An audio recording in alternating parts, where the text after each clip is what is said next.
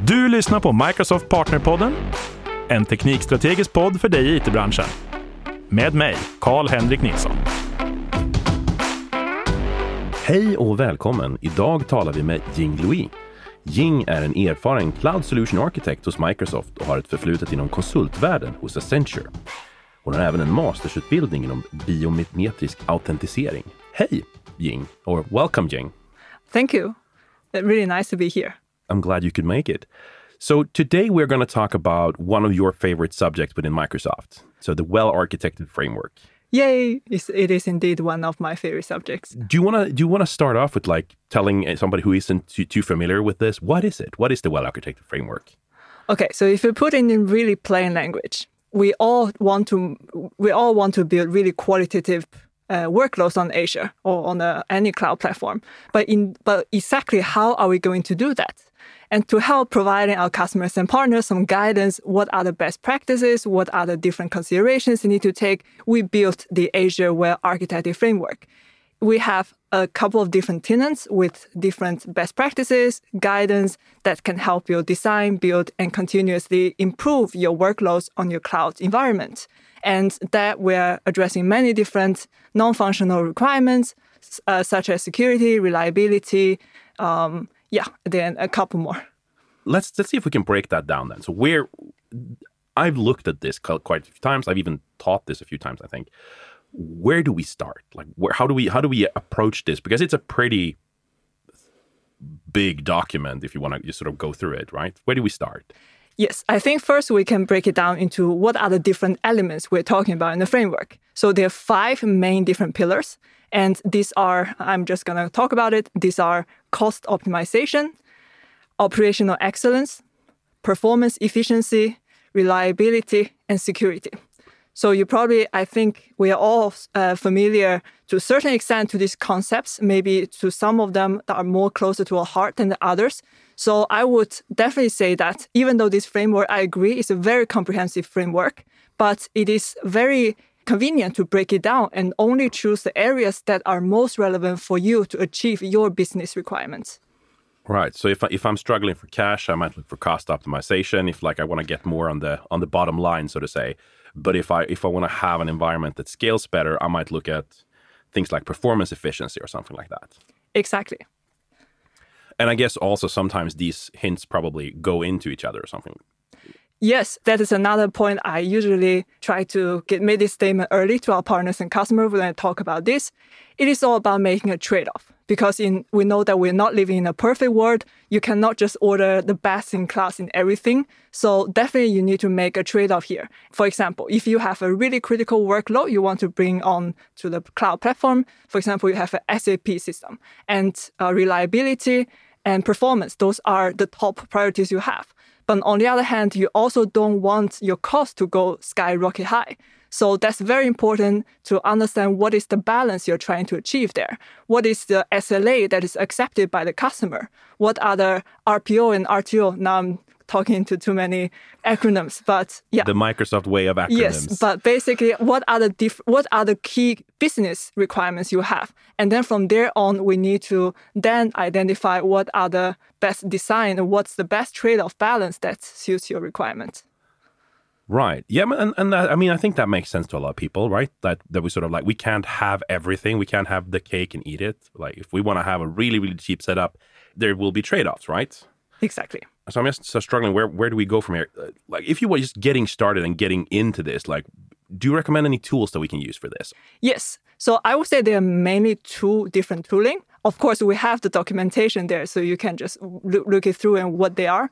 But I would say the two different um, tooling that you can use. One is to uh, leverage on our access review. So basically, we do provide WAF uh, reviews. That is basically a guided questionnaire that uh, depends on what's your focus for your business. Is it cost optimization? If it's performance that you want to focus on, and based on that, we will ask you a number of different questions and ask you how you are currently doing that in your environment and how are you planning to do that for your workloads that you are going to migrate or you have already migrated to the to the platform. And from there on, you will get a score and also some concrete best practices and recommendations how you can improve accordingly in those areas.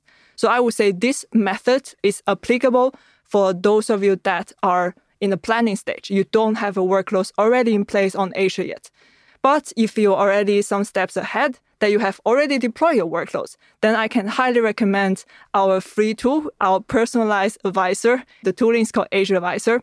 So basically, it has one of the easiest user interface on our platform. And uh, so from there, you can get also some concrete advices from the five different pillars I just mentioned.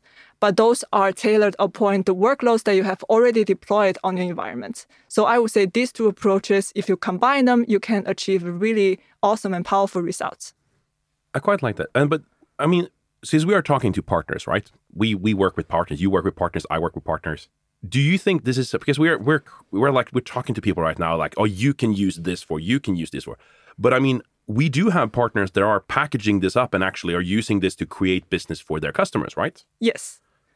Yes. So usually when I talk to partners, I say that they can also approach this in different ways. So first of all, I would say from the ground level. So I know that some partners they have a really great business ideas. They have a niche focus on the functional requirements. Maybe it is AI, maybe some other really cool products they're building. So in, if that is the case, I, I then would talk to the partners just to first check them if they're aware that we do have such a framework and uh, ask them to check that if they are following those best practices to make sure that they are building qualitative products on the workload. So, so not to forget about the non-functional requirements. So first point, I would say to use a framework to check that they are following the best practices to provide their environment. And then to take this one step ahead, I think the next step, uh, partners can definitely turn this into a solution on the marketplace. They can design the uh, well architected review for the customer and maybe uh, hold the customer's hands to walk them through the uh, well architected access review to make sure that um, how the customer to, to check that how the customers are doing in the different pillars. Try to help the customers to understand how to make their trade-off. What is the most important qualities that they need to uh, realize on their workloads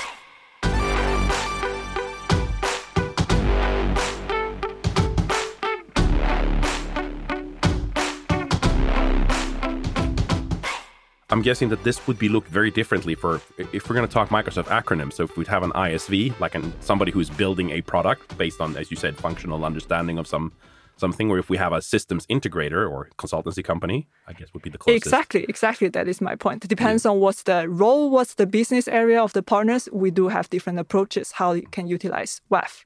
Uh, WAF is another acronym. It stands for Well Architected Framework. You have probably already guessed that. yeah.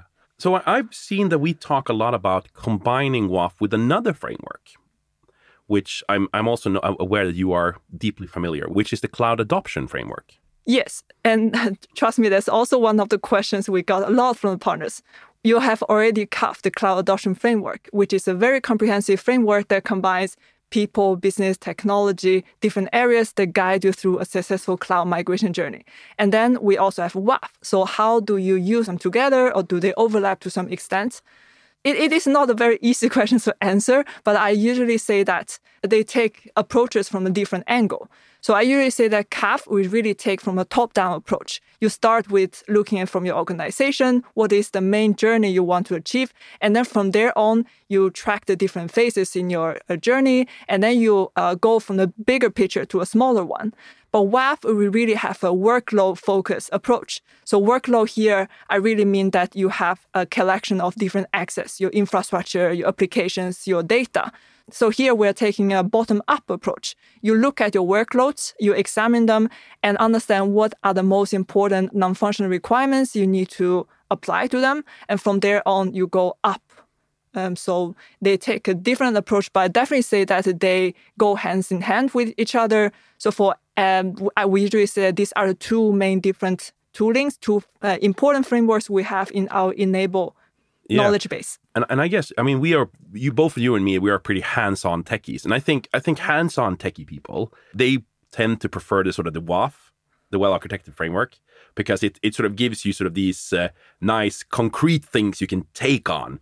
But I also noticed that architects that are sort of more I want to plan. I want to have this design so we can go back into the design document. You know, these these people who are more working with sort of setting up the entire enterprise architecture, they tend to prefer the the cloud adoption framework because it gives them these guidelines. Okay, you need to think about this. You need to prepare for this. You need to you need to plan. That's sort of like how I got it. Would would you say that correct? I would say it's hundred percent correct.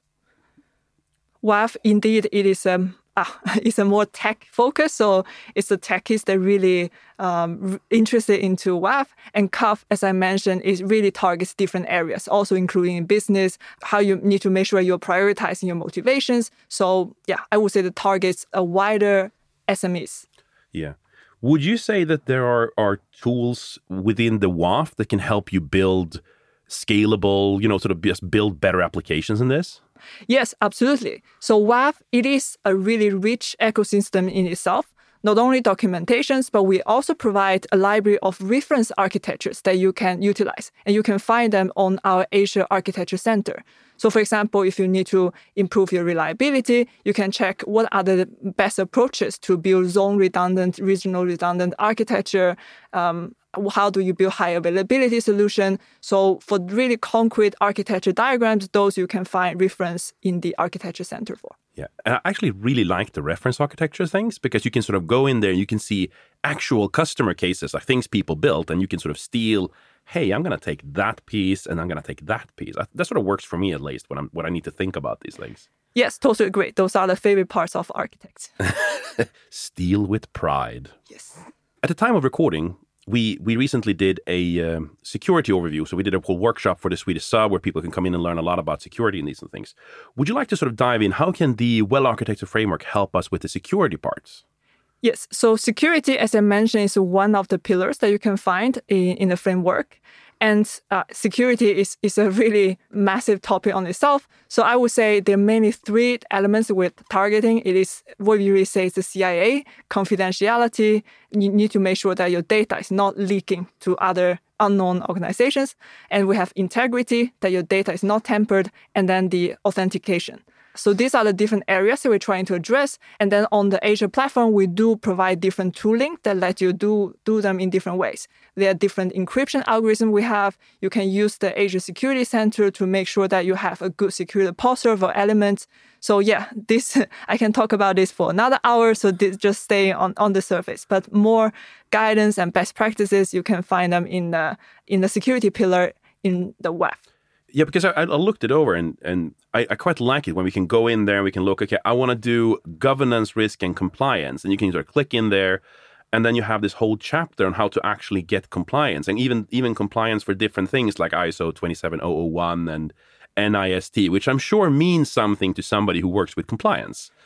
Yes, and then to add on that, another resource that to get familiarized with WAF we do have a really great learning path on the Microsoft Learn module. So I think the easiest way to find it is if you Bing a well architected Microsoft Learn, the first link will show up. So we have, I think, six different modules. So one of, uh, introduction module show you what WAF is, and then we have one module doing more deep down into each of these pillars. So if you're uh, particularly interested in some aspect of them, say cost optimization or security, there you can find a lot of more great information.